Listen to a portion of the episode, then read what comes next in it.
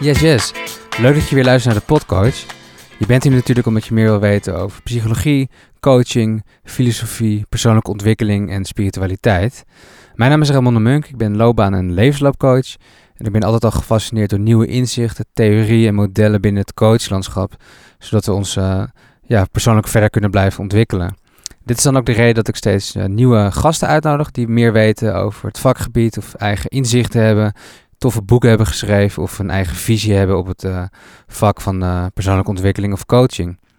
Zelf help ik mensen hun eigen geluid ontdekken in deze wereld vol ruis. Want als je je eigen geluid kent, dan mag je gehoord worden en kan je in harmonie zijn met je omgeving. Ik breng mensen dan ook graag naar de plekken van stilte en rust en ruimte, zodat je je eigen geluid goed kan ontdekken. Maar natuurlijk is deze serie niet alleen voor coaches of therapeuten. Het is voor iedereen geschikt die uh, meer wil doen aan persoonlijke ontwikkeling, bewuster wil leven, tot zichzelf wil komen um, en meer groei en ontwikkeling uit het leven wil halen. Wil je zelf ook eens een keer wat aan coaching doen? Kijk dan even op demuncoaching.com en uh, je kan daar een uh, vrijblijvende intake boeken, zodat je je doelen kan verhelderen en kijken of het iets voor je is, of het bij je past. Voor nu heel veel luisterplezier. Abonneer en like ook zeker op mijn kanalen op uh, de socials, de Munk Coaching en uh, de Podcoach serie. En voor nu nogmaals heel veel luisterplezier. Waar hebben we het allemaal over gehad uh, in dit gesprek? Nou, het, ging van heel concreet, wat kun je nu doen als je wilt veranderen, tot echt ja. deep down the rabbit hole van het is allemaal een illusie, het bestaat niet eens. En ja. nou, het was een prachtige rollercoaster, vond ik dit. Ja, echt hè? Mooi, leuk.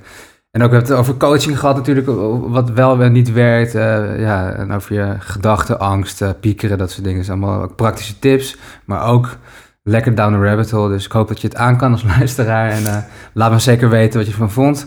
En Paul, waar kunnen mensen jou volgen als ze nog meer van jou leuke filmpjes of, of Insta-posts willen zien? Of, of nou, qua filosofie, paulsmit.one, daar staat het meeste gewoon ik heb ook wel een zakelijke website, zo, maar daar staat het meest uh, oh, ja. op qua non-dualiteit, et cetera. Leuk. En ook zeker een aanrader zijn nieuw boek, uh, Veranderen voor luie mensen. Echt uh, tof boek. Nou, bedankt voor het luisteren. Paul, jij enorm bedankt voor dit toffe gesprek. Ja, leuk. Top. Ja, tijd vloog voorbij. Nou hè. Yes. Thanks. Um, nou, tof dat ik hier mag zijn, Paul. Ja, welkom. Dankjewel. Ja. Um, ja, wat ik heel erg wil weten is um, um, ja, over je boek. Je schrijft over verandering. Uh, nou, ik denk dat iedereen wel iets wil veranderen aan zijn of haar leven. Mm-hmm. Dan vraag ik me erg af, ja, wat zie je dan om je heen of aan jezelf? En waarom willen mensen dingen veranderen? En wat, wat willen mensen nou vooral uh, veranderen en waarom? Je ziet, uh, wanneer verandert een mens? Dat is eigenlijk maar twee momenten.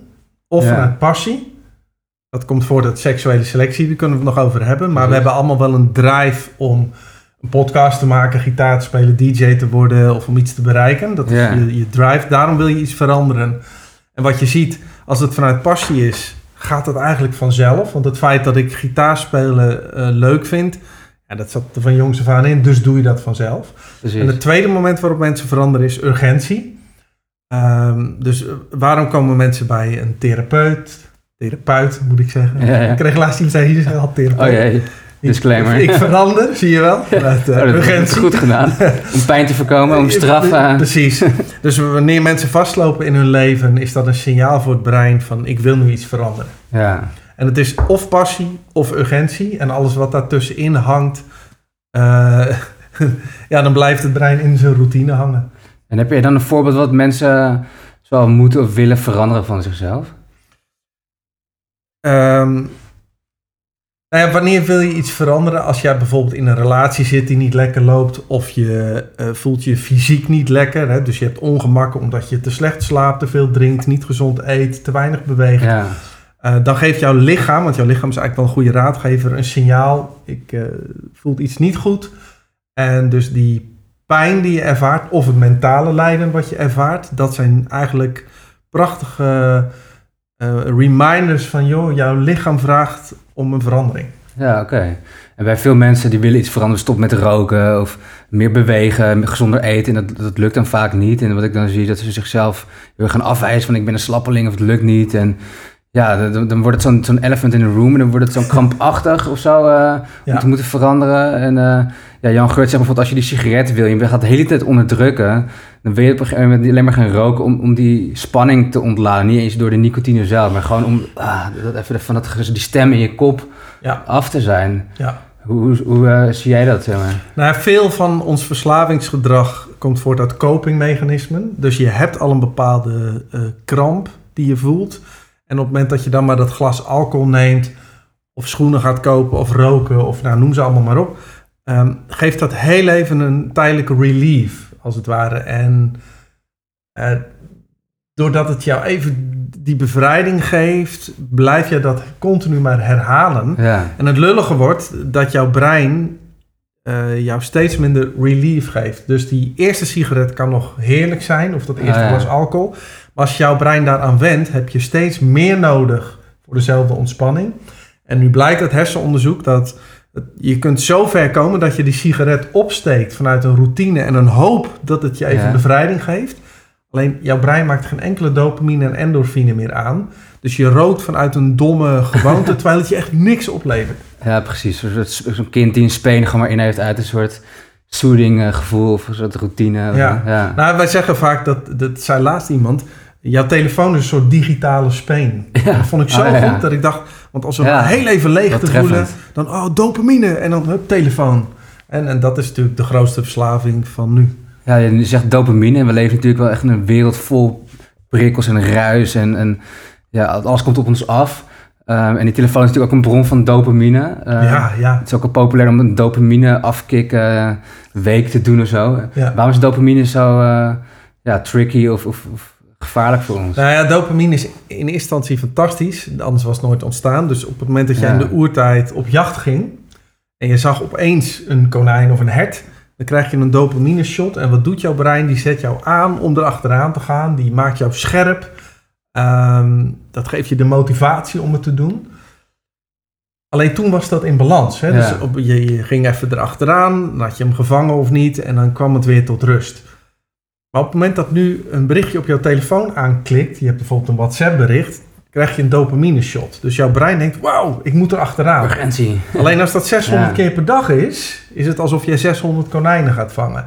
En je ziet dat we nu zo dopamine verslaafd worden, dat we continu maar prikkels om ons heen zoeken. En daardoor lopen we echt klem nu op, de op dit moment. Ja, holy shit. Maar is het dan ook niet zo, zoals je net schetst, van hoe, hoe vaker je dat herhaalt, hoe minder je brein ontvankelijk Klopt. wordt voor de dopamine, dat het gewoon, Ja. dat je eigenlijk gewoon dommer ervan wordt, of dat je eigenlijk niet meer die alert, die eh, reactie van, oh, er is een haas of er is Ja. een leeuw, maar dat het gewoon allemaal een soort van afstond of zo. Je zit bij tweede fles wijn, denk je, ja, ik voel nog niks. Of je zit twee uur porno te kijken, je denkt, het doet niks meer. En Ja. dat is waarom je totaal dopamine bent afgestompt. En, en eh, hoe kan je er dan eh, van afkicken? En heeft dat nut om daar van te onthouden? En denk ja, resetten. Ja. Gewoon ga eens eh, je helemaal daaruit, want jouw, jouw brein moet weer in balans komen. Dus op het moment dat jij gaat wandelen in de natuur of gewoon met vrienden bent, en een sociale groep werkt goed.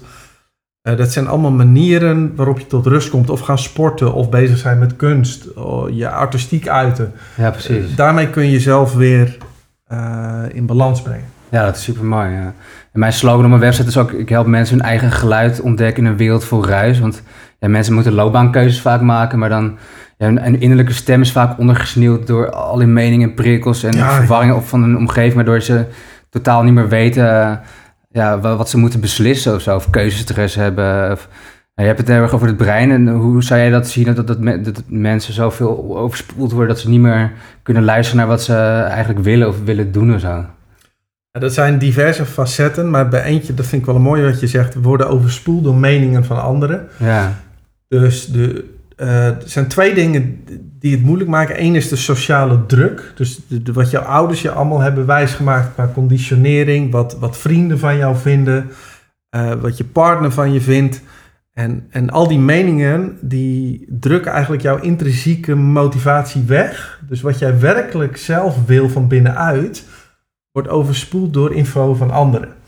Dat is één ding. En dan heb je ook nog fear of missing out. Jouw brein vergelijkt zich continu met wat anderen doen. precies. En als jij Ja. al jouw vrienden maar als een gek in die tredmolen ziet rennen op zoek naar succes, dan gaat jouw brein, dat heet ook het bandwagon effect, die denkt als zij dat allemaal doen, dan zal het wel goed zijn.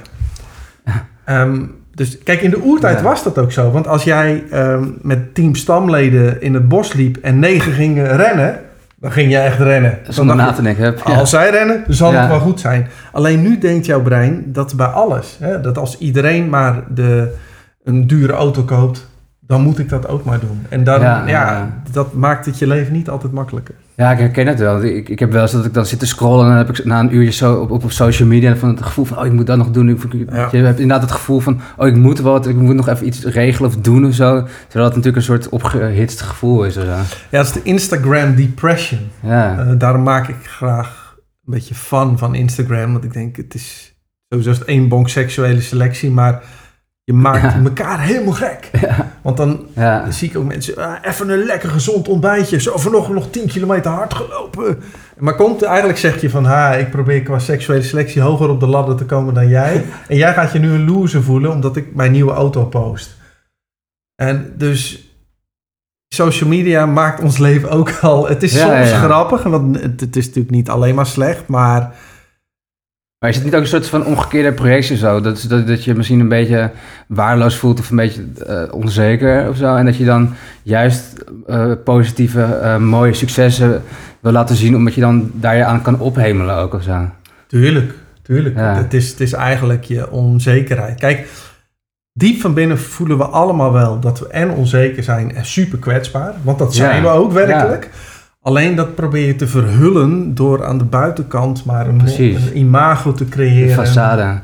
Ja. Ja, en dat is- geeft zoveel opluchting. Dat, dat probeer ik mensen ook mee te geven. Durf gewoon kwetsbaar te zijn. Want uiteindelijk zie je dat je helemaal niks hoeft te beschermen. Want ja, wat moet je eigenlijk beschermen? Je zelfbeeld of je ik? En wat is dat dan precies? En wat bescherm je nou eigenlijk? En zodra je erachter van ja, het hoeft, je hoeft Nou ja. niks te beschermen eigenlijk. Daarom is die non-dualiteit zo bevrijdend, omdat iedereen in de wereld, of veel, lopen alleen maar eh, harder en sneller. En je moet je targets en focus. En je Ja. denkt, oh, moet ik ook nog en ik moet dit en ik ben, ik ben nog maar hier en ik moet naar daar. Als je eenmaal gaat zien dat dit allemaal één bewustzijn in beweging is, dat, dat wat je bent gewoon altijd al eh, volledig is, dan, dan kan die, eh, die mentale strijd, die kan tot rust komen. Ja, dat is wel interessant. We moeten natuurlijk over iets uitdiepen voor mensen die er nog nooit over hebben gehoord. Maar je zegt bewustzijn in beweging. En de andere keer schreef of zei ook eh, energie in beweging. Ja, het is eigenlijk energie in beweging. Ja. Maar dat, die energie, nu wordt het heel technisch, is een verschijning in bewustzijn. Ja, Maar wat we kunnen zeggen, en dit klinkt heel abstract als je het voor het eerst hoort. Laten we het simpel houden. Alles is energie, dat kunnen mensen begrijpen. En jij en Ja. ik zijn ook gewoon energie met een vormpje die nu aan het praten is. En dat gaat allemaal vanzelf. precies. Maar omdat wij ons identificeren, denk jij, ik ben ik en ik ben ik. En dan gaat die mentale molen, want dan denk ik, oh, wat zul jij van mij vinden? En wat zullen de luisteraars straks vinden? En wat zullen ze gaan posten hierop? Eh, eh, eh, zien we er wel goed genoeg uit? Wat vinden ze van ons? En shit, de podcast van de eindbaas heeft meer luisteraars dan jou, weet je wel? Nou, na deze podcast... Na, Na deze niet Na meer. deze niet meer. Je gaan Wigert, Michel gewoon, wow! Ja, dat kan alleen maar goed gaan. Ja, dus je identificeert je heel erg ehm, met je ik-beeld. Of- En dat is natuurlijk ook een soort construct of een verhaal wat je jezelf vertelt. Bijvoorbeeld, ik ben coach, ik ben DJ, ik woon in Haarlem, ik, ben, eh, ik heb een leuke vriendin of ik hou van sporten. Dat zijn allemaal verhalen die we onszelf wijsmaken. Ja. Hoe werkt dat precies en wat is daar dan mis mee? Of wat is daar juist de functie van? Het, kijk, het idee dat je een ik bent is een constructie van het brein. Dat eh, als je ongeveer anderhalf jaar oud bent, krijg Ja. je zelfbewustzijn. Dus een kind vanaf anderhalf weet ook voor het eerst als hij in de spiegel kijkt, die reflectie ben ik.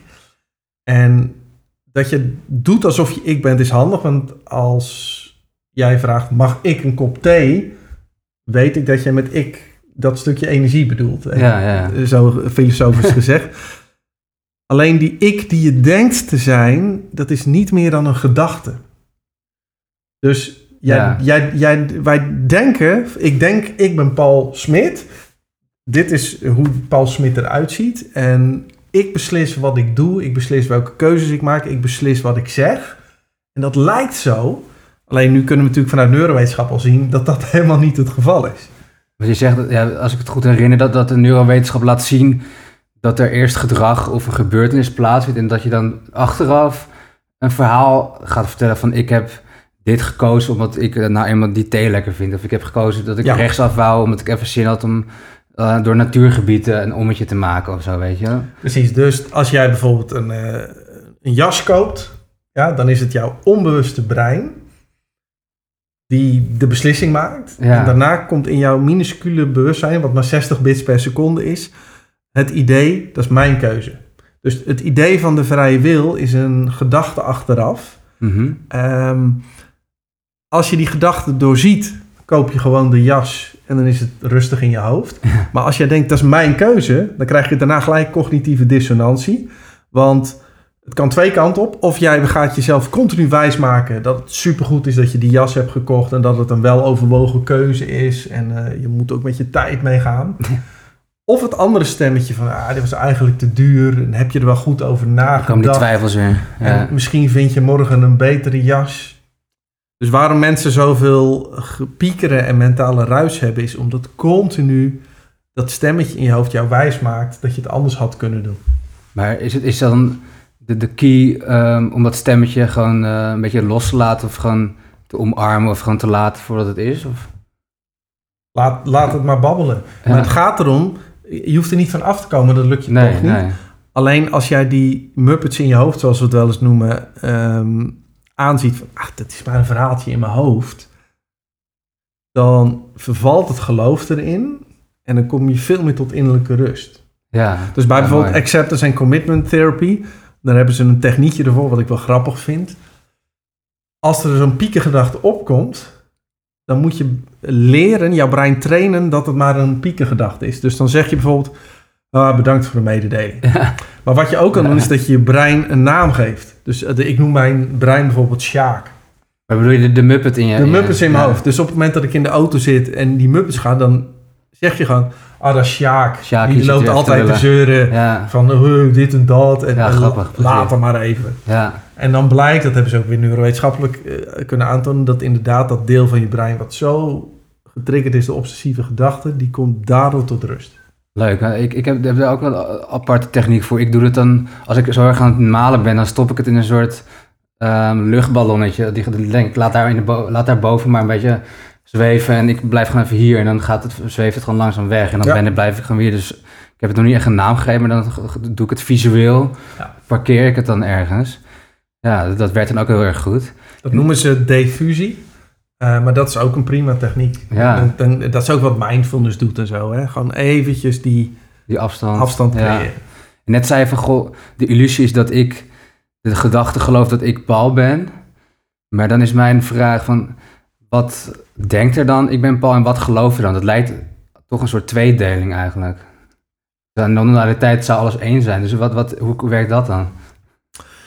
Ehm nou ja, non-dualiteit zegt dat alles is de eenheid in beweging. Ja, En, en hoe jij als stukje energie bent geprogrammeerd, eh, ja, dat, dat noemen we dan neurowetenschappen. We kunnen een beetje zien wat het brein doet.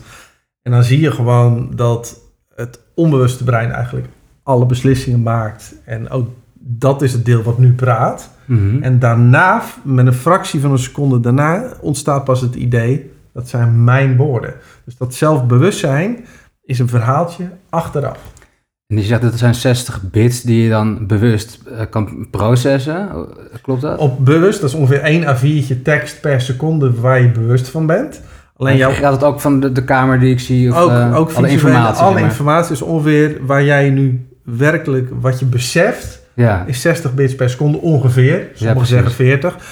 Eh, maar als ze nu gaan meten hoe snel dat onbewuste brein procest, dat is 11,2 miljoen bits per seconde. Dus dat houdt in, dat is 200.000 keer meer dan waar jij nu bewust van bent. En hoeveel boeken zijn het dan? Je had het over één A4'tje dan in het Nou zelfbewustzijn? ja, de- kijk, eh, laat ik het zo zeggen. Als jij een computer nu wilt maken die de snelheid aan kan van ons onbewuste brein, dan kost die computer op dit moment 4,6 miljard Euro. euro. Dus dan zeg maar zo'n quantumcomputer kan het nog niet. Ja, de IBM Watson, dat, maar die is zo groot als deze kamer. Ja, die zuipt energie, maar die kan de competitie aan met ons brein op het moment. Bizar, hè, eigenlijk. Maar dat is gewoon van, eigenlijk een biologische oorsprong, eigenlijk. Je, je, je hebt het heel vaak over het brein en je brein doet dit of je brein denkt dat. Maar denk je dan dat wij ons brein zijn, zoals Dick Swaap dat bijvoorbeeld zegt? Nee, want Ja, Dick Swaap is een materialist vanuit filosofie gezien. Dus die gaat ervan uit dat er een universum bestaat buiten ons. Eh, dat jij het brein bent. Ja, Ehm, en non-dualiteit, dat is de, de idealistische stroming zoals we dat noemen. Die zegt nee, alles is bewustzijn. En het brein is slechts een, een verschijning in bewustzijn. Maar jij bent niet je brein. Ehm, jij bent het bewustzijn waar het brein een klein stukje van ontvangt. maar is je brein dan een instrument om het bewustzijn mee Juist. te kunnen eh, eh, voelen of er- er- ervaren? Ja. Maar het, het brein bestaat uiteindelijk uit energie of, of uit atomen en materie die ook gewoon in het universum rondzweven. Koolstof, weet ik veel, wat waterstoffen en, Mhm. en toestanden. Maar hoe kan het dan dat iets als levenloze materie dan toch een soort van bewustzijn of leven krijgt dat jij je vorm, mens, beeld blijft behouden, zeg maar? Ehm, ehm, kijk, als we nu ook naar Donald Hoffman zijn theorie is bijvoorbeeld dat al die energie, wij denken dat er een universum is vol energie, Ja, maar wat ook Ramana Maharshi, dat is een Indiase guru, al lang geleden zei, er is geen universum. En nu wordt het heel weird. ja vertel. Maar Hier komt de kwantumfysica ook steeds meer op Ja, I uit. like. Alles is bewustzijn waarin het universum verschijnt. Dus ehm, dat is ook een double split experiment. Nu wil ik niet te technisch gaan worden, maar Dus dat die moleculen op meerdere plekken tegelijk... de, de elementaire deeltjes kunnen en een golfje zijn en een puntje. Maar waar Einstein het dan over had, die zei als ik niet naar de maan kijk, ben ik er niet zeker van of de maan er wel is. Ja, Dat is dus iets vormt zich pas als het bewust wordt waargenomen. ja dat zie je ook in What the Bleep Do We Know, die film heel erg. Ja, Die hebben het daar ook over. ja. Ehm, maar bewustzijn, en daar komt de neurowetenschap nu ook op uit, ontstaat niet door jouw brein. Het is niet doordat Nee, neuronen vuren dat wij ons bewust zijn nu. Nee, bewustzijn gaat vooraf aan alles. En dat zeggen ze ook in Sanskriet. Dat komt uit de Upanishaden. Dat zijn geschriften uit India van 800 jaar voor Christus. Waar ook de hele Advaita en de non-dualiteit en Zen-boeddhisme, Taoïsme komt daar vandaan ja. die zeggen dus ehm, dat dit universum Maya is. En dat is vertaald de illusie. We leven als het ware in een droom die voor ons wel echt lijkt. Maar dat is alleen maar omdat jouw brein deze illusie vormt. Maar als er een droom is, moet toch iets dat genereren, zeg maar ook? Nou ja, het, daarom zeggen zij het, de, de eenheid zelf, wat wij zijn, dat noemen zij het bewustzijn. Ja. Dat is alles wat is en alles wat de manifestatie mogelijk Maar maakt. dat is eigenlijk zo'n oneindige loop of een soort van drengeling van, ja, er, eh, gewoon het zijn of zo. Of gewoon, er, er is gewoon wat. En eh, hoe dit ontstaat, eh, weten we dan eigenlijk helemaal niet. Nee, dat is het mysterie. En het bewustzijn wat wij zijn, kan niet worden waargenomen. En nu eh, Ja, blijf ja. nog even, het wordt straks makkelijker. Maar kijk, het oog kan zien, maar kan niet zichzelf zien. Ja, Hè? Dus de tong kan proeven, maar niet zichzelf proeven. Vandaar dat we nooit kunnen weten wat dat zijn dan uiteindelijk is. Maar is dat bewustzijn wat je dan bent, zeg je? Is het dan collectief als een soort kwantumveld om ons heen, waar iedereen op kan intunen met zijn brein? Of is dat wel individualistisch dat we met z'n allen eh 8 miljard eh, kokonnetjes van bewustzijn zijn? Ja, er is maar één bewustzijn. En er zijn nu 8 miljard breinen waardoor bewustzijn naar zichzelf kijkt. Zo kun je het zien. Ja, precies. Maar Ja, dat vet. bewustzijn, Ja. het be- dat wat door jouw ogen kijkt, is exact hetzelfde wat door deze ogen kijkt. Ja, als een soort stroming. eh, Het is ja. één en hetzelfde bewustzijn. Het is niet dat jij een eh, individueel bewustzijntje bent en ik ook. Nee, precies. En door die gedachte eh, vind ik het ook heel fijn dat, dat ik dan veel minder bang voor de dood ben. Dan denk je, ja, je komt toch weer in een soort oneindige bewustzijn terecht. Of zo, of zo niet. Dan oh, is het ook goed. Dan, dan heb je niet meer van, ik moet voortbestaan of ik moet blijven leven. Nee, want je- wat je werkelijk bent, dat is al eeuwig. Dus, je, Ja. dus dat wat doodgaat, is niet wat je werkelijk bent. Een dat- stoffelijk overschot. Nou ja, goed, dit, dit ding wat uit atomen bestaat, die energie neemt straks nieuwe vorm aan. Oh ja, ja, het gaat eigenlijk nooit weg. Maar de energie kan nooit vergaan. Nee. Maar het bewustzijn waarin die energie verschijnt, dat is sowieso wat er altijd al is. Ja, vet. En misschien ook wel een bewijs dat je ook bewustzijn buiten je brein kan hebben. Want ik weet niet meer, ik las het ergens. Mijn opa had het altijd, altijd ook over dat je als je slaapt, heb je nog meer hersenactiviteit dan overdag als je dat meet met zo'n EEG-scan, zoiets geloof ik. Ja. Maar je bent je daar geen seconde van bewust van eh, al die activiteiten die er dan gebeuren. Dus daarmee zou je kunnen zeggen dat hersenactiviteit niet per se bewustzijn eh, genereert of veroorzaakt. Ja. Nee, dus, dus en dat is ehm, waar ze nu steeds meer op uitkomen, dat bewustzijn ligt ten grondslag aan alles. Dus het brein is ook maar een verschijning in bewustzijn, maar niet het apparaatje wat het creëert uiteindelijk. Nee, precies. Maar hoe kunnen we dan het brein zien of definiëren? Uh, het is een stukje energie waardoor bewustzijn naar zichzelf kijkt. Het is heel simpel. Ja, maar goed, over, over het brein. Want je schrijft ook van we kunnen... Ons brein houdt ons wel eens voor de gek de hele dag door. Altijd. Altijd, ja. Maar wij kunnen ook ons brein dan weer herprogrammeren voor de gek houden... zodat wij bijvoorbeeld productiever worden... of meer efficiënt met onze dag omgaan... of gezonder gaan eten. Dus bijvoorbeeld met de als-dan techniek. Dus als ik uh, negen uur de, de, klok slaat, dan ga ik hardlopen. Weet je, dat, Ja. dat- hoe, hoe werkt dat dan om je brein eh, goed, efficiënt te programmeren? Zeg maar? Nou, kijk, het brein is een zelflerend systeem. Dus op het moment dat het brein bepaalde technieken leert, of dat nou is gitaarspelen, DJ zijn, voetballen, hè, op het moment dat die technieken worden herhaald, maak je nieuwe neurale verbindingen, waardoor je bepaalde dingen beter gaat doen. Ja. Dus die als-dan techniek, dat heet implementation intention, dat is simpelweg een hele concrete techniek. Dat als ik ochtends mijn eerste koffie pak, dan neem ik een glas water. Ehm, dat, dat leert het brein zichzelf, als het ware. ja, mooi. Ehm, en hoe houdt het brein ons dan de hele dag voor de gek? Hoe, werkt dat dan? Met alles. Jij denkt dat jij mij ziet, maar ik ben er natuurlijk helemaal niet. Eh, dit zijn allemaal elementaire deeltjes. En jouw Ja. brein die, die maakt daar eh, zintuigelijke input van. Hè? Dat, er hier, dat dit blauw is en dat ik Paul ben en dat dit geluid een betekenis heeft. Hoe heb ik dat geleerd dan? Nou ja, dit is zoals je genetisch bent geprogrammeerd voor ongeveer de helft. En je conditionering is ongeveer de andere helft.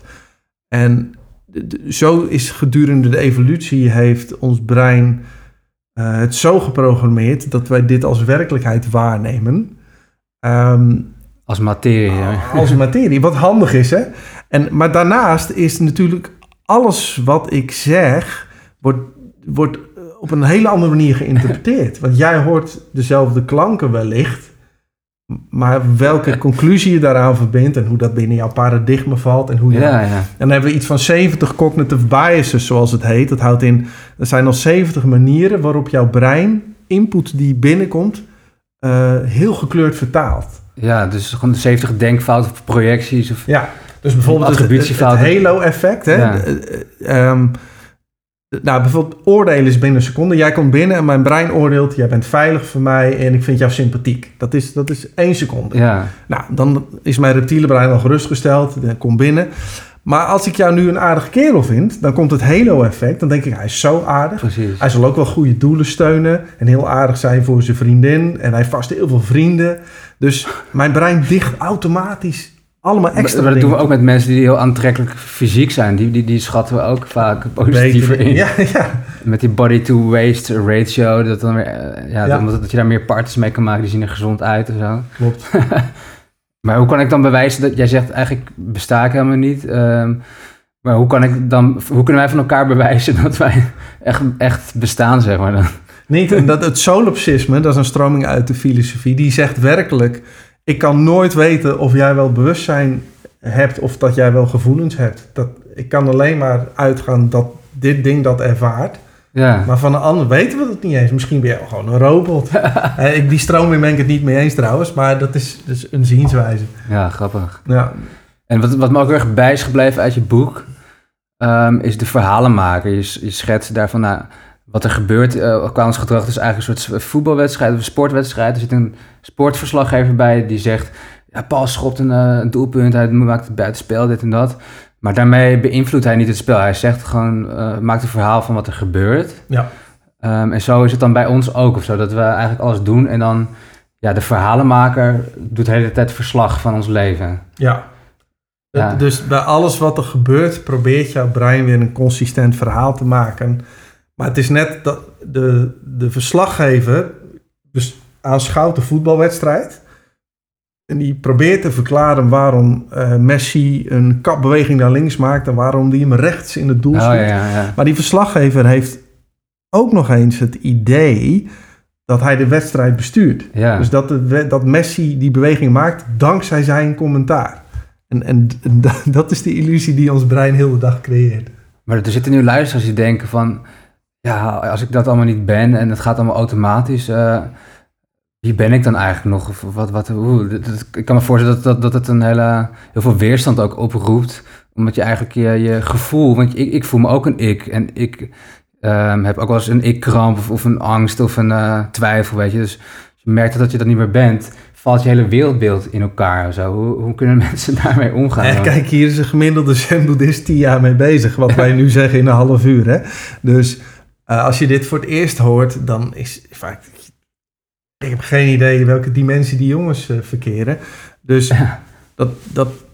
En zeker in het Westen zijn wij zo geïdentificeerd met dit ben ik. En dit, zoveel, dit zijn mijn Instagram-volgers en dit is mijn succes dat als je deze boodschap voor het eerst hoort, is het vaak echt of uh, verzet of blinde paniek.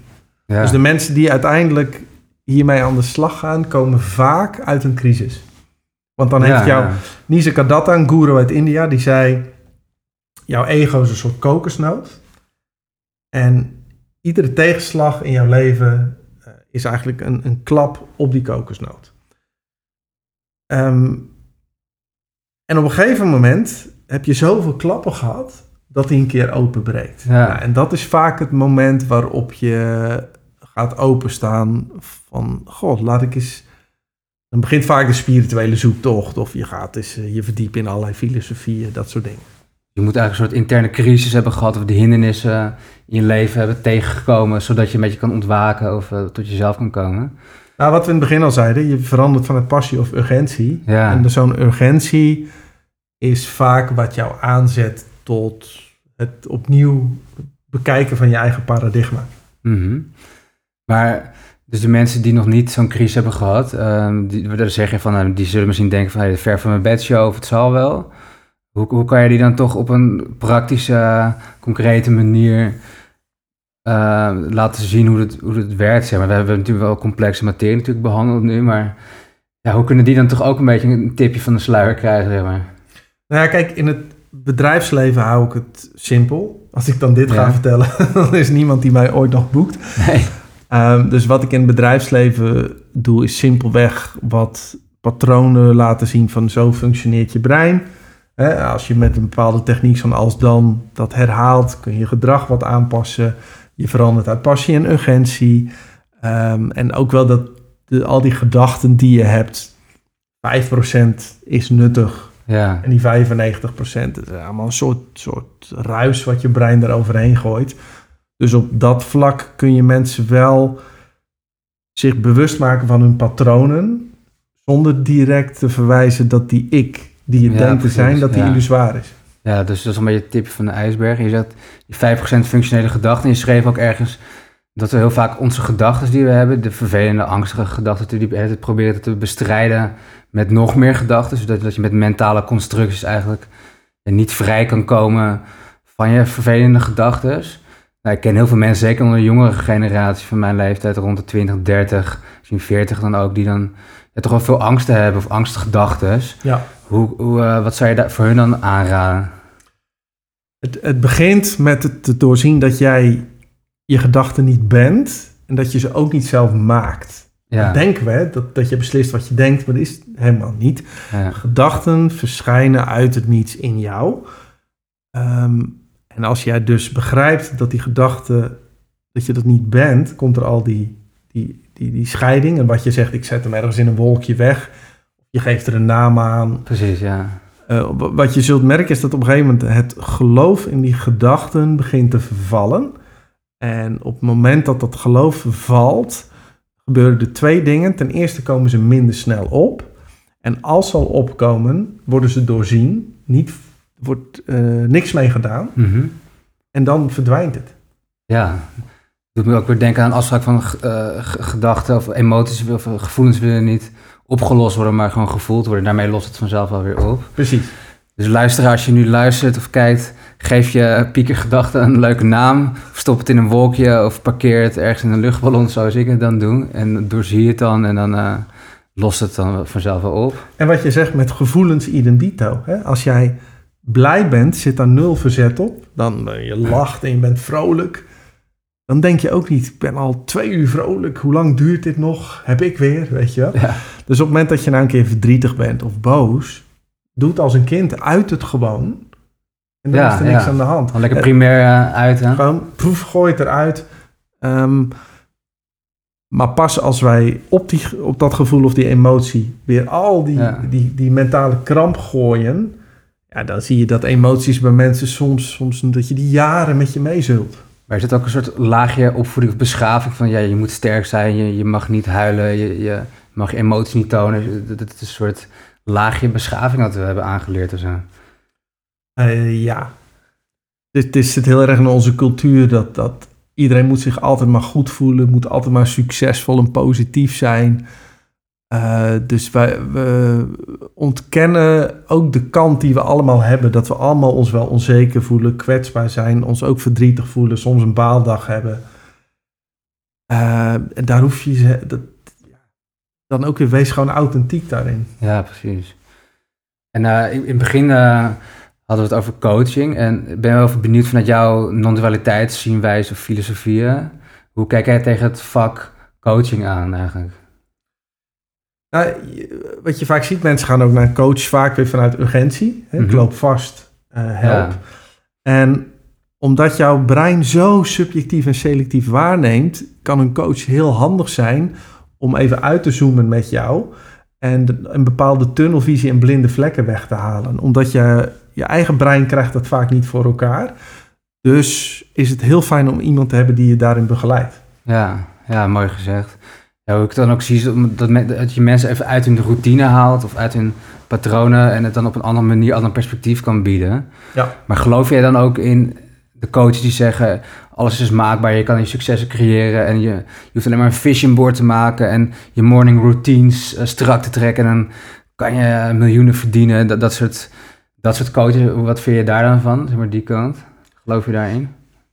Nee, nee, kijk, dat is natuurlijk die 60 bits bewustzijn wat we hebben. Die, die Muppets, die creëren, die geven jou de illusie dat je de totale controle hebt en dat je een focus moet hebben en mindset. Ja, dat, mindset. En natuurlijk is voor dat ego is die boodschap heerlijk, want die denkt, oh, ik kan nog meer. En alleen gewoon vanuit neurowetenschap bekeken is dat krankzinnig, zo'n theorie, omdat ehm, ten eerste creëer jij niet je eigen mindset. Dat is dat onbewuste brein dat dat doet.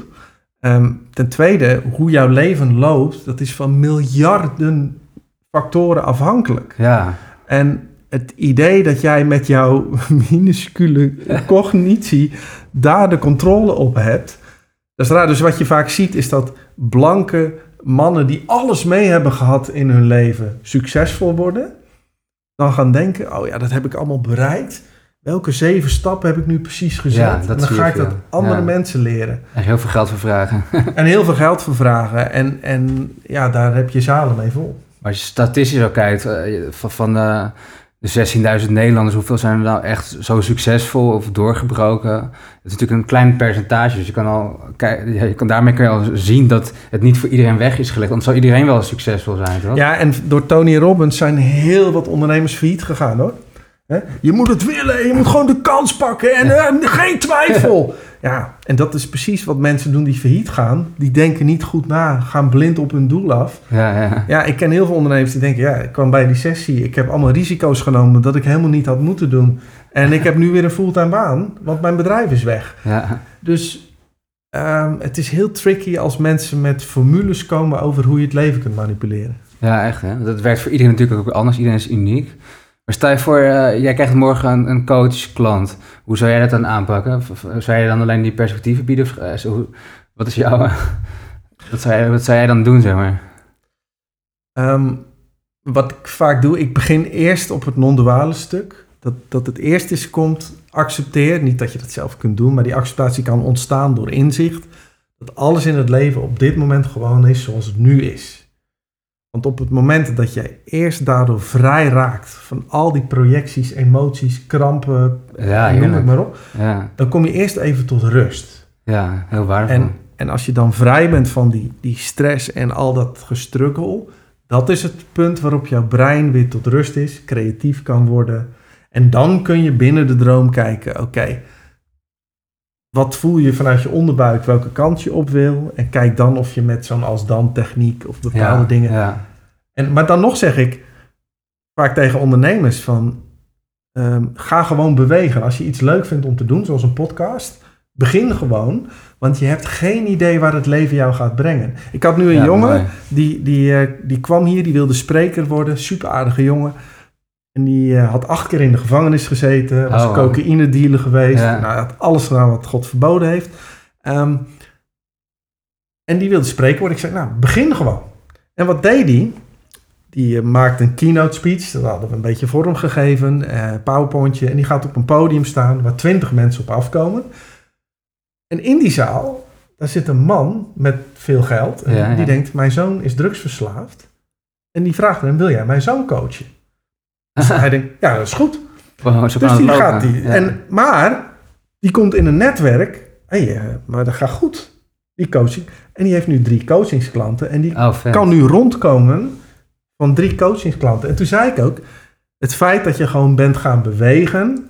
ja. Gewoon eens een keynote speech hebt gedaan. Misschien ga je dat nooit meer doen. Maar het heeft je wel nu gebracht op iets wat je van tevoren nooit had kunnen raden. ja, daar geloof ik ook echt in. Hoor. Dat is een heel mooi, mooi voorbeeld. Dat je gewoon in beweging moet blijven. Dan komen er vanzelf dingen op je pad. Of, of kan je weer haakjes maken. En zoveel mensen, zeker van de jonge generatie, die willen eerst alles overdenken. Van ja, welke baan, wat past nou bij me? Wat, wat, die gaan jarenlang boeken lezen. Ja, seminars doen, eh, nog een YouTube-film kijken van hoe vind ik de perfecte baan of weer een programmaatje daar. En dan zeg ik, ja, ga gewoon proberen en eh, ervaar, proef, ruik, eh, ge- houd in je vingers. Dan, Ja. dan geeft je lichaam vanzelf een feedback van, hey, dit, dit, dit klopt Ja. niet bij mij. Of, hey, wow, er gaat weer iets stromen. Ga je daarop in en, en inderdaad, er komt altijd weer iets bijzonders op je pad. ja. Dat werkt zoveel beter eigenlijk. Ja, want, want kijk, dat is ook weer de controlezucht van de mensen. Wij willen vaak alles helemaal uitgestippeld hebben van A tot Z. Want dan hebben we ja. zekerheid. Zekerheid heb je nooit. Dus, dus eh, begin gewoon. Ja, let's do it. Ja, En je zei die jongen die, die bij jou was, die, eh, die, of, of een coach kan, die breng je dan even in het hier nu, even, in, even vanuit non-dualiteit gezien, even tot rust. Maar ik herinner me nu dat je ook ergens schreef van, je kan eigenlijk nooit in het hier nu zijn, omdat je altijd in het verleden leeft. Hoe, hoe zat dat ook weer precies? nou kijk, ehm, hoe je naar de realiteit kijkt, komt door alle informatie uit het verleden. Dus je projecteert altijd op nieuwe situaties oude informatie. Ja, En jouw, referentiekader, zeg maar. Juist. Ja, en jouw brein is ook altijd bezig met de toekomst. Want die, ook als we hier zitten, is die continu aan het voorspellen wat gaat er gebeuren om te overleven. Dus dat blijft gewoon, dat Ja. is je biologie.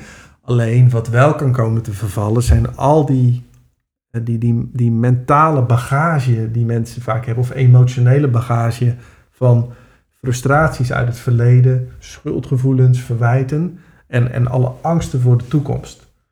Nou, en als je, als je die constructies gaat doorzien, Mhm. nou, dan wordt het echt heel rustig in je hoofd. ja, ja. En dat is een veel fijner startpunt om te vertrekken, om iets te gaan doen, dan vanuit een kramp en stress, maar wanhopig de wereld in te gaan. Maar, is het, maar is, is dat die plek van het, van het hier en nu dan ook neurologisch niet, niet mogelijk, omdat je altijd in je brein ergens anders bezig bent of zo? Ja, dus het, het, is, het is technisch niet mogelijk. Ja. Maar wat wel mogelijk is, is dat dat brein eh, vrij kan worden dus van al die extra projecties die Ja. we bovenop hebben. Maar jouw, jouw Ja, natuurlijke biologie, die nu gewoon altijd aan het scannen is eh, van ben ik wel veilig eh, en wat gaat er hierna gebeuren, dat is gewoon je overleving. Ja, ja. Dus ook als jij buiten loopt in een drukke stad, doet hij dat ook. En op het moment dat er opeens een fietser vlakbij komt, heb je een reflex. Ja, ja. En dat is gewoon omdat jouw, jouw instinctieve brein daarmee bezig was. Mhm. Oké. En ik wil het toch even hebben over angst of, of, of je, je automatische programma's die je dan in je onderbewuste hebt. Want ik- als ik naar mezelf kijk, ik heb een soort lichte smetvrees op sommige momenten. Maar dat, dat is, dat, ik identificeer me er niet mee. Maar dat komt gewoon door een stukje opvoeding of jeugd. Maar eh, een bezorgde moeder die dan altijd zei, oh, heb je wel je handen gewassen? Heb je wel een warme trui aan? Of weet je dat, even vanuit zorgzaamheid. Gewoon, eh, terwijl als ik erover nadenk van... Ehm, is het mijn mening? Bijvoorbeeld mijn vriendin kwam dan wel eens tijd en zei ik, hoorde ik gewoon mijn moeder zeggen, maar dat zei ik dan van, heb je wel je handen gewassen? Dan denk ik, maar is dat, is, dat, is dat echt mijn mening? Dacht ik van, nee, dat vind ik helemaal niet. Het boeit me eigenlijk helemaal niet. Maar toch zeg ik dat omdat het zo geprogrammeerd is. Het fucking irritant eigenlijk. Maar ja, ik kan het accepteren. Maar ik denk dat bij heel veel mensen ook een stukje angst ook een soort programmaatje, een soort software chip is die ingepland is. Ja. Kijk, wat er gebeurt als, als in jouw vroege jeugd, mijn moeder zei altijd, je moet productief bezig zijn. Ja. Dat is allemaal weer vanuit haar verleden te verklaren dat ze dat zei. Net als dat van jouw ouders ook waarschijnlijk zo is. Maar als je als kind al al die verbindingen maakt in jouw brein, dat gaat zich nestelen in jouw reptiele brein. Precies. En, en dat zijn bepaalde clusters die zich dan hebben gevormd, ehm, die zo diep verankerd zitten, dat inderdaad uh, we de rest van ons leven eigenlijk bezig zijn om papa en mama een beetje uit ons hoofd te krijgen. kom, ik, kom je daar dan nog ooit van af, denk je? ja, het kan uh, milder worden. Ja. Maar, maar, alles wat zo diep genesteld zit, dat, uh, dat is wel lastig hoor. Ja, ik keek ook zo'n film van Joe Dispenza, dat is een Amerikaanse neuro... Ik ken hem. Ook met kwantumfysica. En mm. ja, die ken je. Dus wat, wat vind je van hem? Ja, hij heeft wel mooie dingen. Ja. ja. Want hij zegt ook van als je, uh, wat zei je nou ook weer, als ik het goed uitleg, is dat je dus een gedachte hebt met een emotie voor in de toekomst. Dus je programmeert een soort, stel je voor een presentatie en dan ga je alvast zitten en dan ga je positieve emoties aan koppelen. Zodat je brein als een soort maakt van, hey, dat is leuk, dat is veilig, dat is leerzaam. Zodat als je daar dan bent bij de presentatie, dat je dan al ontvankelijker bent voor succes. Of dat je daar dan relaxer in bent of zo. Maar kan je dus ook nieuwe klusjes maken, zodat je je angst een beetje ja, het bijzondere van, van ons brein is, ons brein weet niet het verschil tussen wat fictief is en wat echt is. Ja. Ehm, en ehm, daarmee kun je ook mentaal trainen. Dus mijn vriendin is professioneel uh, vioolspeler. Um, als zij stukken moet repeteren, uh, dat zijn soms zoveel stukken, als je dat allemaal werkelijk moet doen, krijg je blessures. En zij traint mentaal. Dus zij gaat mentaal al die nootjes af. Oh, ja. Dan maakt haar brein die verbinding al aan. En op het moment dat ze op het podium staat, zijn die verbindingen aangemaakt en dan kan ze het ah, spelen. bizar. Ze had vroeger heel veel blessures, vandaar dat ze daar heel goed in is.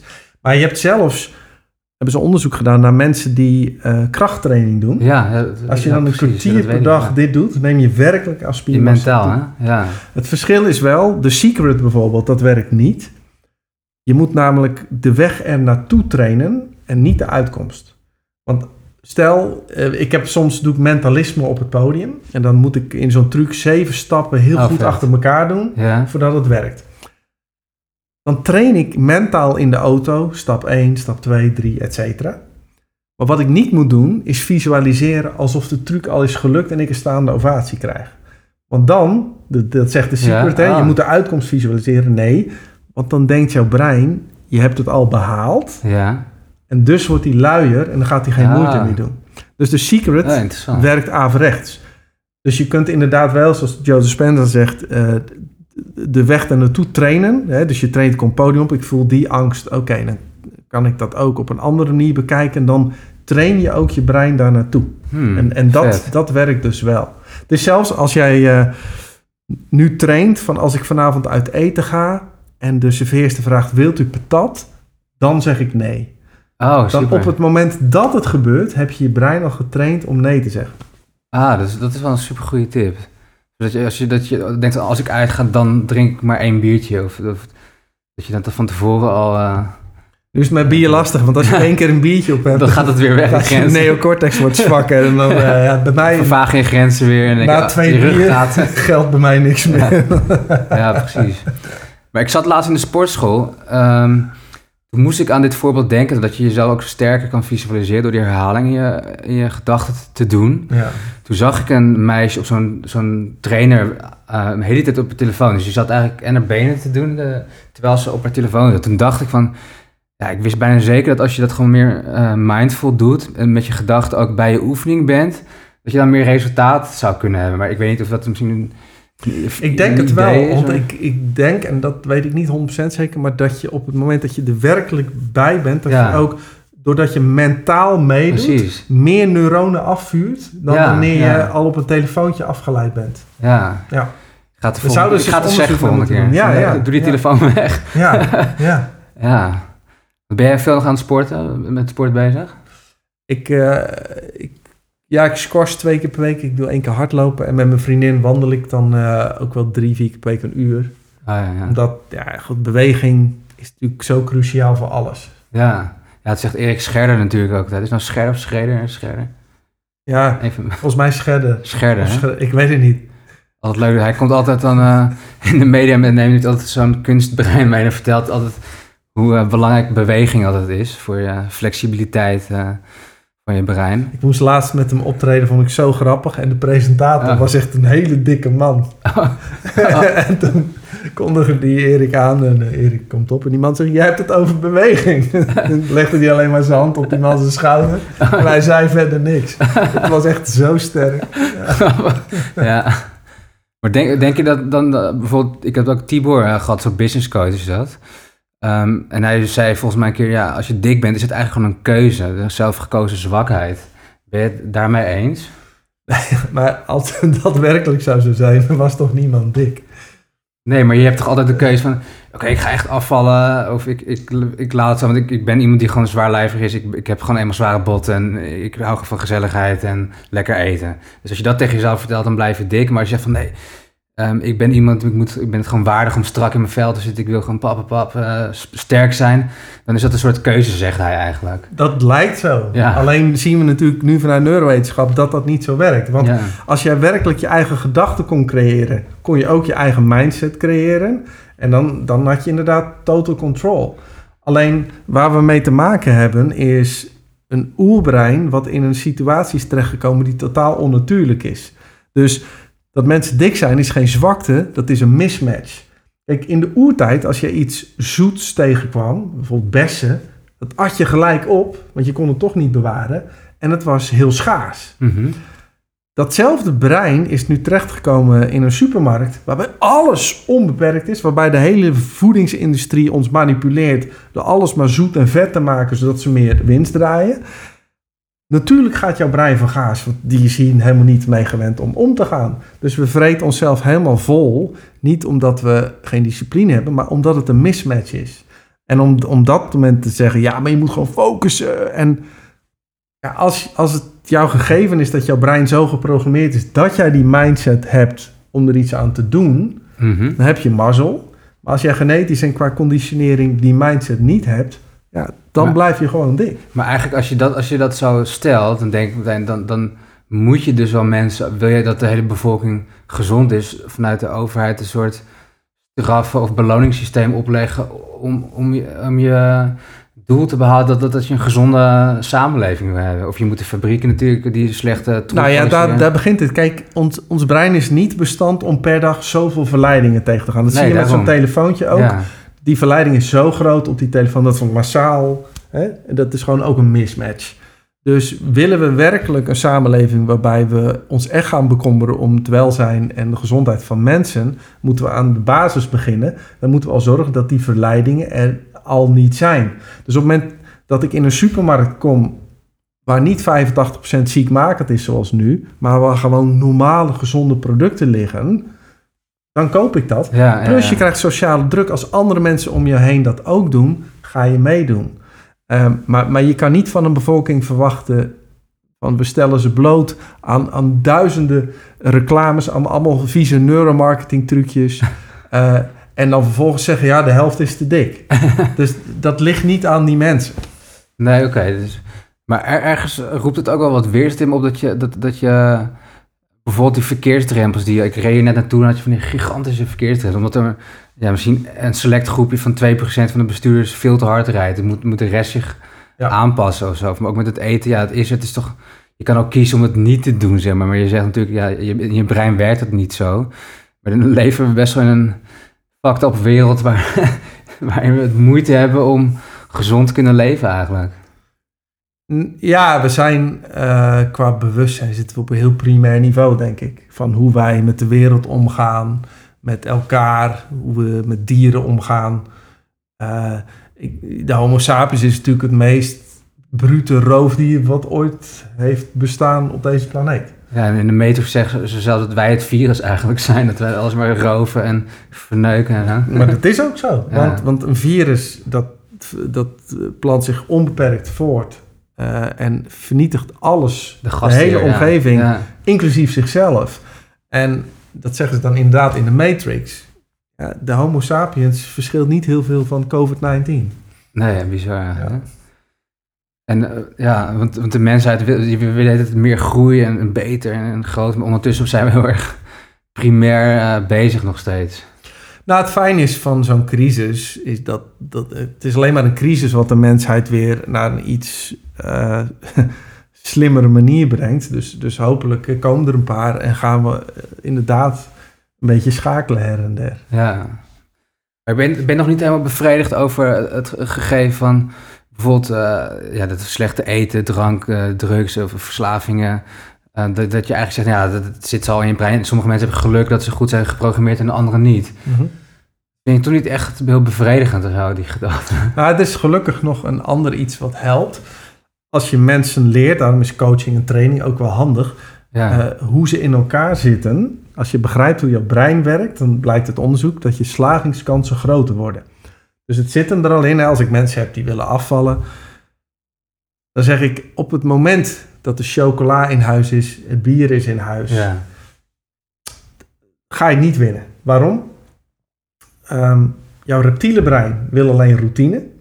Je zoogdierenbrein wil alleen plezier en genot en gemak. En daarop zit onze neocortex, ons mensenbrein, waarmee we rationeel nadenken. Dus rationeel kan ik nu zeggen, vanavond ga ik gezond eten en drink ik geen alcohol. Ja, ja. Alleen, die oudere twee delen zijn veel sterker. En hoe vaker ik een verleiding krijg op de dag, des te meer slijten de remschijven van mijn neocortex. En als het dan s'avonds acht uur is, daarom gaan mensen s'avonds van gaas, dan roep je nog wel heel even, vanavond ga ik echt geen alcohol drinken.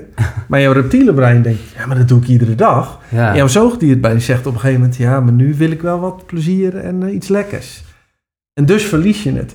Dus als je mensen onderwijst in hoe het werkt, dat houdt in, zorg dat het één niet in huis is.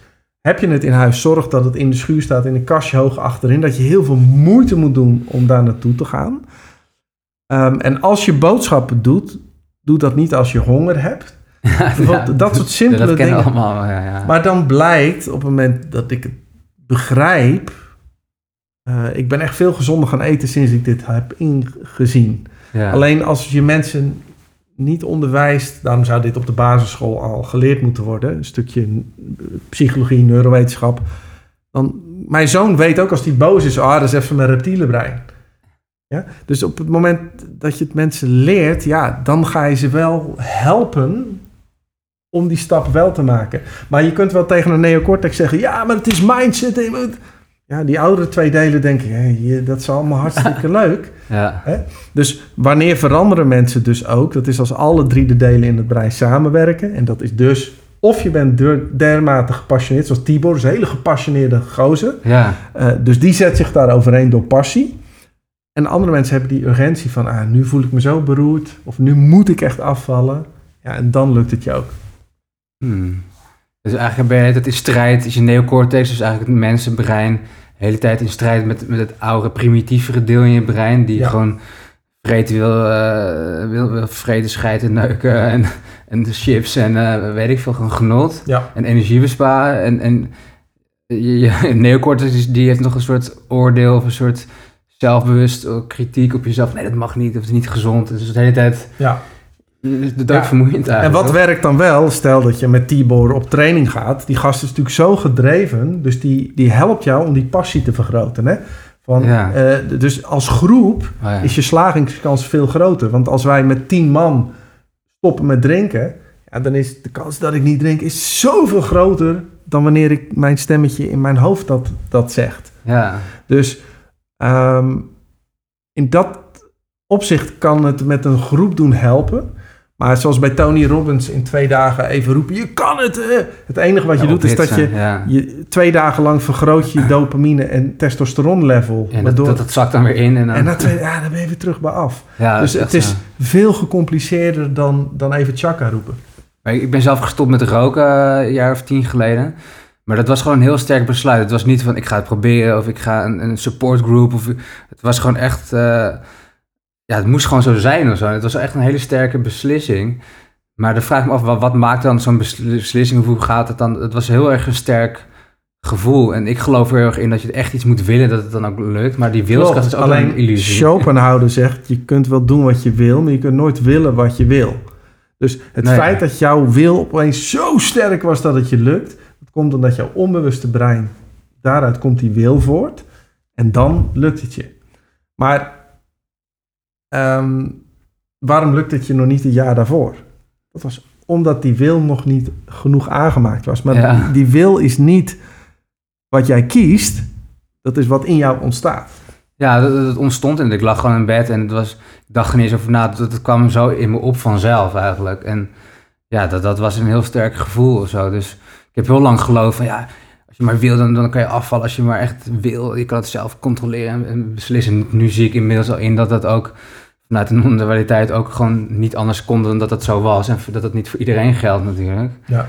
Maar eh, ja, daarom vind ik Tibor die zegt, je moet inzetten op weerbaarheid, op eh, discipline, eh, routine en dat soort dingen. Nou, kijk, dat is, dat is natuurlijk.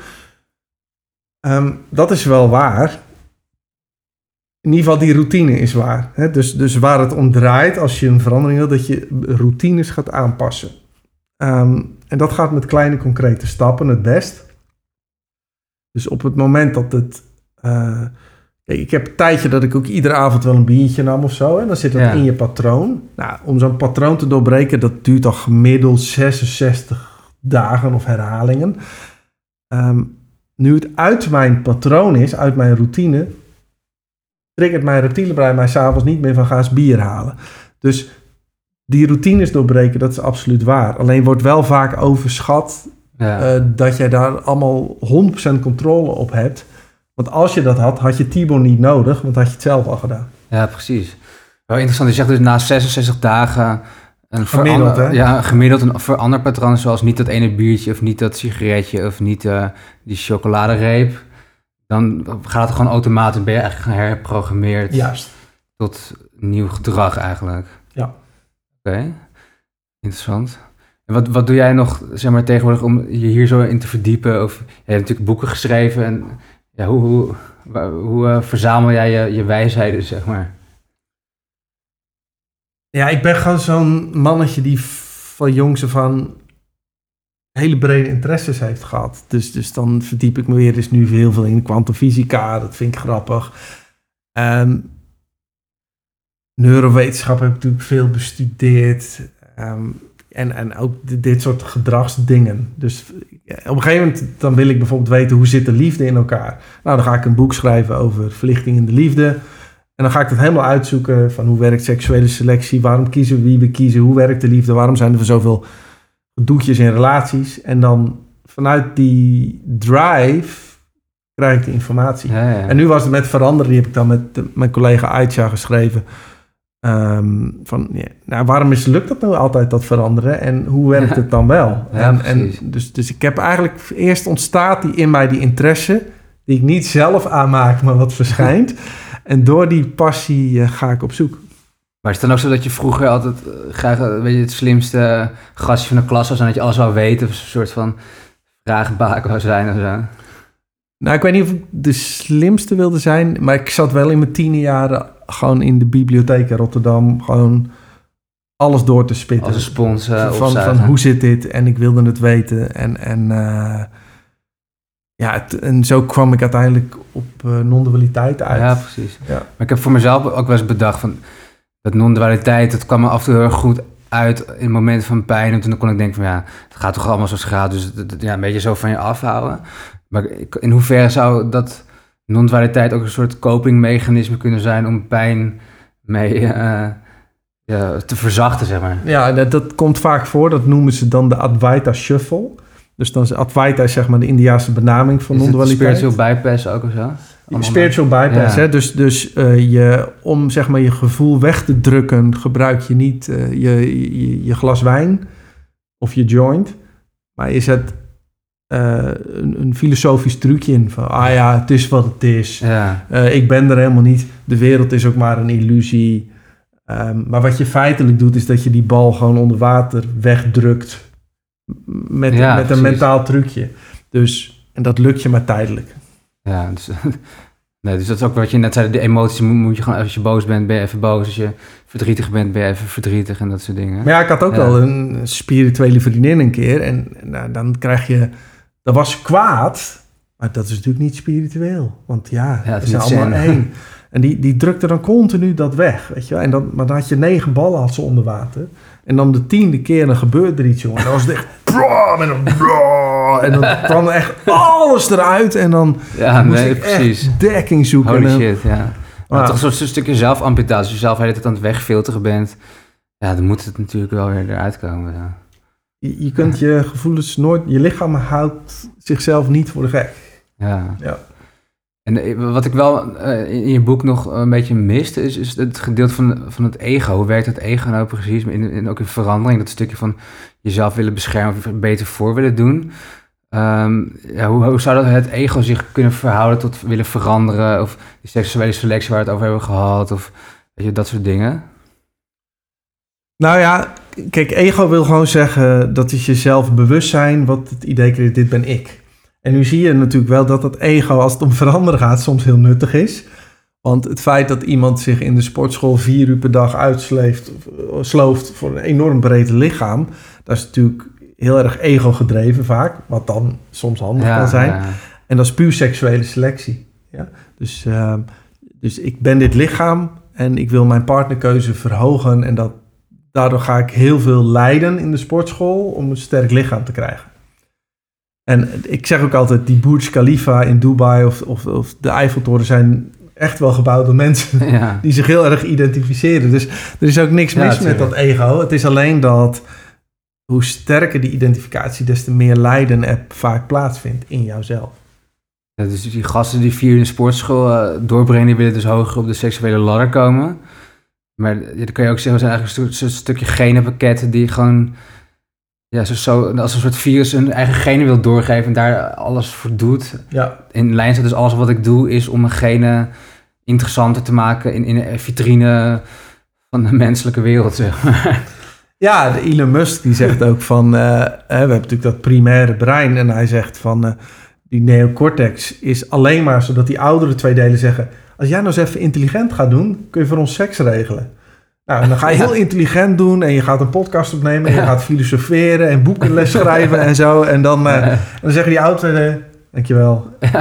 En dus ik vond dat voorbeeld van hem wel grappig, maar het is ook niet erg, hè? Want, want we hebben Nee. natuurlijk natuurlijke selectie, is gewoon dat je lichaam zich eh, met mutaties aanpast aan de nieuwe situatie. En seksuele selectie is dat je qua gedrag, dat doen dieren ook, hè? De vogeltjes gaan mooie liedjes fluiten en de pauw heeft zijn staart Ja, en de hert zijn gewei. En, en wij hebben een hummer voor de deur staan, bij wijze van spreken, of nemen een podcast op, of gaan in de fitnessruimtes oppompen.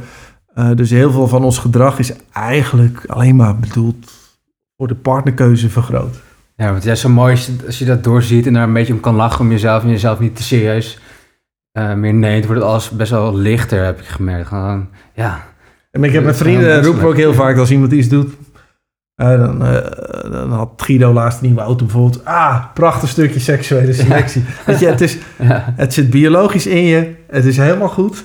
eh, maar je kan erom lachen. ja je Ja. moet het ook zeker niet proberen te onderdrukken, denk ik dan. Nee, nee, nee. Want dan krijg je in de spirituele wereld dat die vrouwen hun oksels niet meer gaan scheren en geen make-up meer opdoen. Want dat is, nee, dan ga je gewoon je biologie ontkennen. Dus ja, Ja, ja, aard van het beestje, ja. ja. Lachen. Ik denk dat we, we zitten al best wel over een uur. Ehm kijk hoor, zijn er nog thema's die we vergeten zijn uit te diepen, waarvan je denkt, van, dat, dat, dat, dat- daar hebben we overheen geluld, of dat, dat heeft toch wat aandacht nodig? Nou, je had aardig wat... eh, Ja, maar ik heb aardig wat, maar uiteindelijk... Ja, gaat- het toch weer anders. het is gewoon voor mij een soort steuntje dat als ik het een keer op papier heb gezet, dan zit het gewoon wat meer in mijn hoofd. En uiteindelijk hoef ik het helemaal niet in mijn hoofd en floot het toch wel. Ja. Ook een stukje controle drift dat helemaal niet nodig is, denk ik. Oh ja, ik- want Wim Hof ben ik wel geobsedeerd door de laatste tijd. En ik had een quote van hem opgeschreven.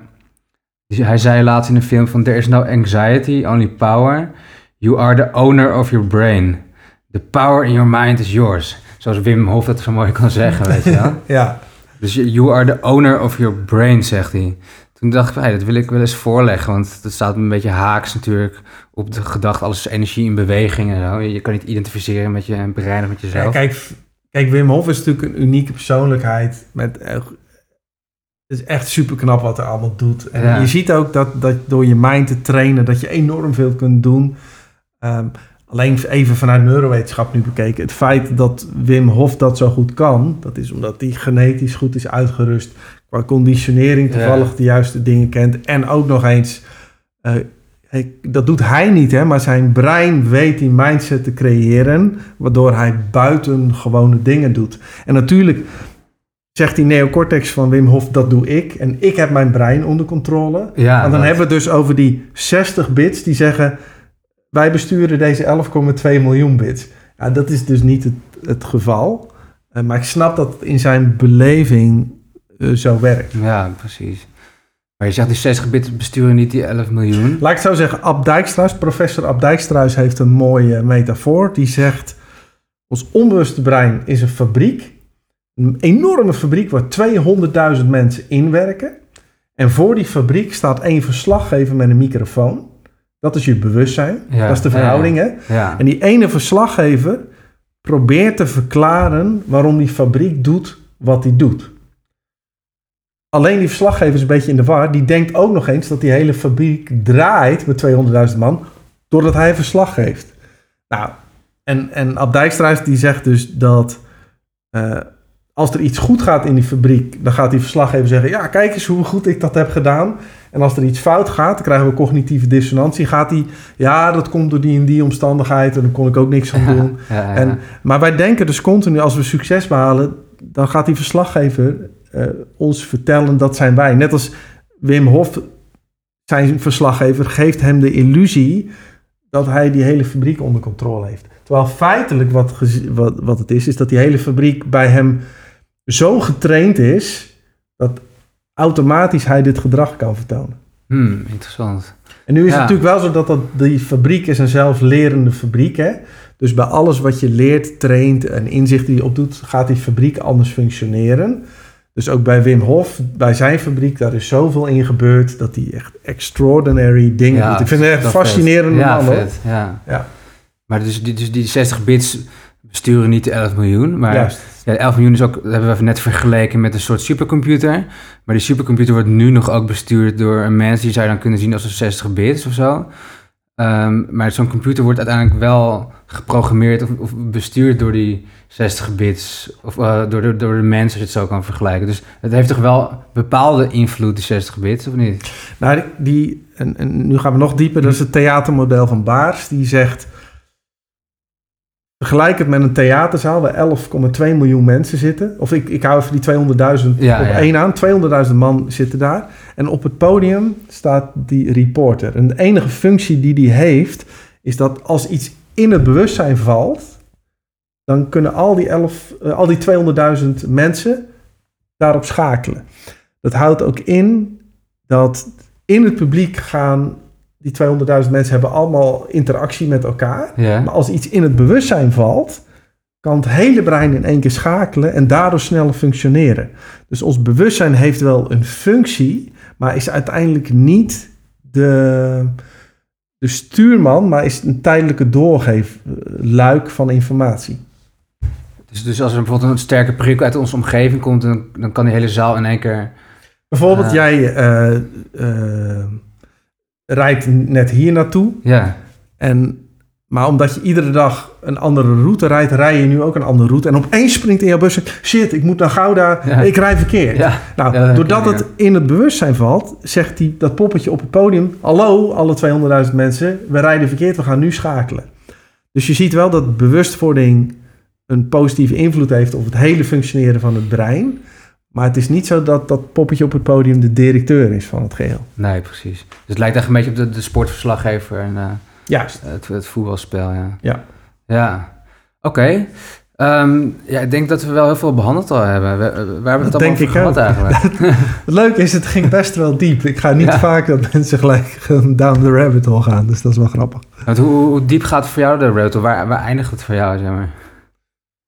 Ja, ik zit nu met, ben ik veel met die kwantumfysica bezig. En Donald Hoffman vind ik wel heel interessant. Die ook laat zien dat niets van wat wij hier zien ook maar enige correlatie heeft met, met hoe wij de wereld ervaren. Dat dit een soort computerspel is. Simulatietheorie. Simulatietheorie met alle ja. eentjes en nulletjes. En ons brein maakt daar het idee van dat jij daar zit en dat daar een microfoon staat en dat dit woorden zijn met betekenis. Um, dus die komt ook uit op de, de grot van Plato. Plato zei ook al, wat wij zien, dat is een soort schaduw op de grot. Maar wij zien niet de werkelijke realiteit. En dat, ja, dat vind ik... Uh, de schaduw op de grot, dus, dus eigenlijk een soort uh, hologram of een soort... Ja, nou ja, ik vond dat knap hè, dat Plato 400 jaar voor Christus iets roept wat nu vanuit de kwantumfysica wordt ontdekt. Ja. Dat de realiteit zoals jij die waarneemt niks te maken heeft met de werkelijke realiteit. Want dat nee, de Matrix eigenlijk een soort... Uh, ja, het is, we leven denk ik... En dan komen ze... Ik denk dat we echt in een simulatie leven. Ik heb het ook wel... Ik heb een keer... Ja, het gaat ook wel diep, maar dat een soort licht visioen dat ik in bed lag half slapen of, of droom. Toen ging ik het laag voor laag ontkennen dat, dat ik bestond. Dus ik, ik op een gegeven moment dacht ja, ik, ik, ik ervaar dit, maar dat kan toch helemaal niet dat ik iets ben. Want hoe, hoe, wat, hoe zou het zijn als ik helemaal niks was? Hoe, want dan kan je dat niet weten dat je niks bent. Dus je kon nooit niks zijn. Zo ging ik het laag voor laag, totdat ik op een gegeven moment in een soort... Ja, in een meter zit je ook in, op een gegeven moment in een soort cocon vanuit waar de realiteit wordt gegenereerd. Waar je eigenlijk een soort aangesloten bent op een soort simulatie. Of zo voelde ik me op een gegeven moment. Dat alles gewoon... Ja, omdat ik gewoon de hele tijd mezelf ging ontkennen. Van het, ik geloofde gewoon niet meer dat ik bestond, heel even. En toen ging alles helemaal... Ja, dat is een hele rare ervaring was dat. Ja. Dat zou ik gewoon nooit meer vergeten. Maar daardoor, door zo'n ervaring denk ik ook... Ja, wat is de realiteit eigenlijk? Het is ook allemaal maar een ervaring. Of, ja. En je kan ook niet bewijzen dat jij het, hetzelfde ervaart als ik. En, uh, nee. Ja, bizar.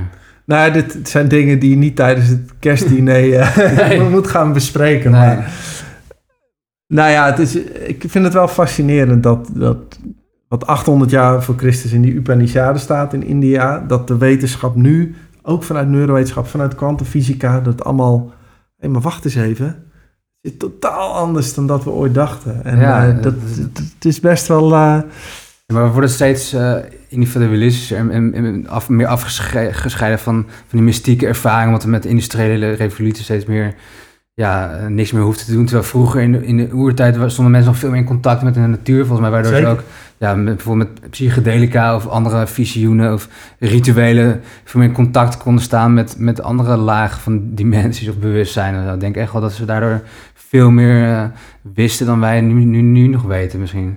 Ja, we zijn denk ik heel individualistisch en materialistisch nu. En we gaan er echt vanuit dat deze driedimensionale wereld echt is. Vierdimensionaal met tijd erbij. Ja, vanuit de snaartheorie zijn er al tien dimensies. en er zijn ook vanuit kwantumfysica berekeningen dat het tussen de 23 en 26 dimensies moet zijn. Weten wij dan. Dat zijn maar rare krommingen van, van materie en tijd. Zijn dan. Ja, maar ik kan niet eens bedenken wat vijfde dimensie zou moeten zijn. Nee. Laat staan dat we ergens... Ons brein heeft die capaciteit gewoon niet, omdat nee. Uh, nee. we zijn eigenlijk heel beperkt. En er is veel meer dan uh, wij kunnen waarnemen natuurlijk. Veel meer. En dan zie je, ja, er zijn zoveel mysteries nog waar we echt niets van af weten. Ja. ja. Vet. Maar denk je dan als je zodra je uh, sterft, dat je dan meer in zo'n soort totale, totale overzicht kan krijgen van hoe het allemaal zit? Of dat je dat überhaupt ooit zou kunnen weten door psychedelica te nemen? Of dat, je, dat, dat er methode is dat je even het, het alles kan waarnemen, zeg maar? Hij zit wel met psychedelica, maar dan, goed, dan trigger je ook bepaalde modules in je brein en wat je eigenlijk doet, is dat jouw brein creëert allemaal illusies. En met psychedelica kom je iets, iets meer in een ruimere blik. Ja. Van, oh wacht, ik ben helemaal niet afgescheiden. Het is allemaal één en, en het is allemaal liefde. En um, kijk, op het moment dat je, je doodgaat, um, weet ik niet of er nog een stukje... Kijk, individualiteit is ook maar een illusie, hè? Ja. Uh, maar het bewustzijn zelf, dat, dat kan helemaal niet dood.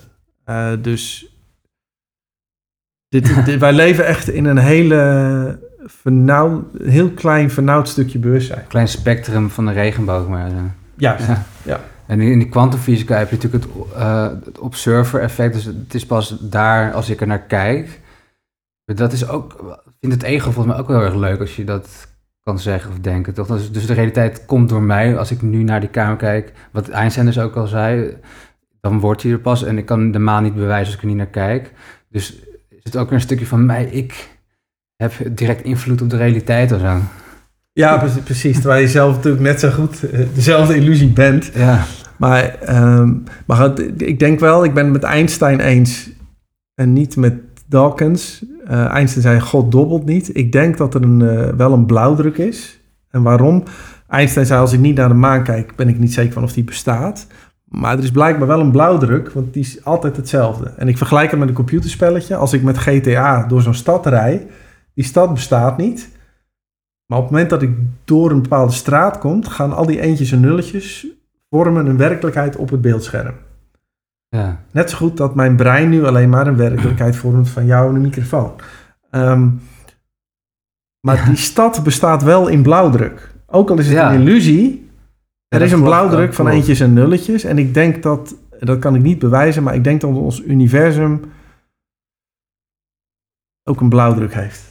Ja, maar dat, dat, in de kwantumfysica is, is alles per definitie mogelijk. Alle possibilities kunnen bestaan, zeggen ze toch? Zoiets. Ja. Dus dat kan ook een soort blauwdruk zijn waarin alle vormen, alle wezens, alle mensen, een planeet of eh, energievormen zich kunnen manifesteren in potentie. Dus Ja. alles is gewoon mogelijk vanuit kwantumfysica. Juist, maar Dawkins zegt dan: eh, everything that is possible eh, will be there. Dus hij zegt: alles vindt op ontelbare miljarden dingen plaats. Dus dit gesprek, eh, er is dus ook een realiteit waarin jij niet hier bent geweest, of waar je een lekker band had, of waar we een ander. Dus, maar ik geloof niet in die theorie. Ik geloof wel dat alles in potentie aanwezig is. Maar ik geloof wat Ma Maharishi Mahesh Yogi zei: Everything happens according to the cosmic plan. Of eh, Jacob van Ulickskul, die dus een, een bioloog die zei: There is a master plan. Ik denk dat er een blauwdruk is. Maar goed, Ja, dat, dat ja. is een iets wat ik nooit ga kunnen bewijzen. En Nee, ik, ben met Einstein eens: God dobbelt niet. En dan gaan heel veel mensen uit de kwantumfysica het niet mee eens zijn. Eh, maar goed, ja, ik weet het verder ook niet. Het is alleen maar mijn subjectieve gedachte. Ja, ja. En, en laatste ding, dan wil ik hier een beetje mee afronden. Ehm, mijn moeder zei, die dacht van, ja, alle vormen, die, die zijn al in een soort van trilling of frequentie aanwezig. Maar je kan er dus op intunen, waardoor dan die potentiële vorm ook dan echt waar of een soort eh, vorm kan aannemen. Dat, dat zo'n mens bestaat ook uit allemaal ingewikkelde frequenties of patronen, zeg maar. En dat, dat dat eigenlijk in potentie al bestond. Maar als je met je bewustzijn daarop inzoomt, dat je dat dan kan worden of zo, zeg maar. Eh, in uit de oertijd. hè. Dus dat wij mensen zijn geworden is natuurlijk te biz- bizar voor woorden eigenlijk. Dat Ja, dode materie in één keer zo'n complex iets was, maar dat het eigenlijk in, in het blauwdruk al bestond, zeg maar. In potentie, zei Ja. ze dan. En dat sluit hier wel erg mooi bij aan. zo. Ja, en ik snap, want zij zeggen natuurlijk al die quarks, leptons, bosons, die, die, die elementaire deeltjes vormen zich alleen als puntje als we het waarnemen, zwaar. Maar dan nog is het wel dat wat ik waarneem, is, ik kijk, kijk nu niet naar die microfoon, maar als ik nu kijk, is het toch dezelfde als net.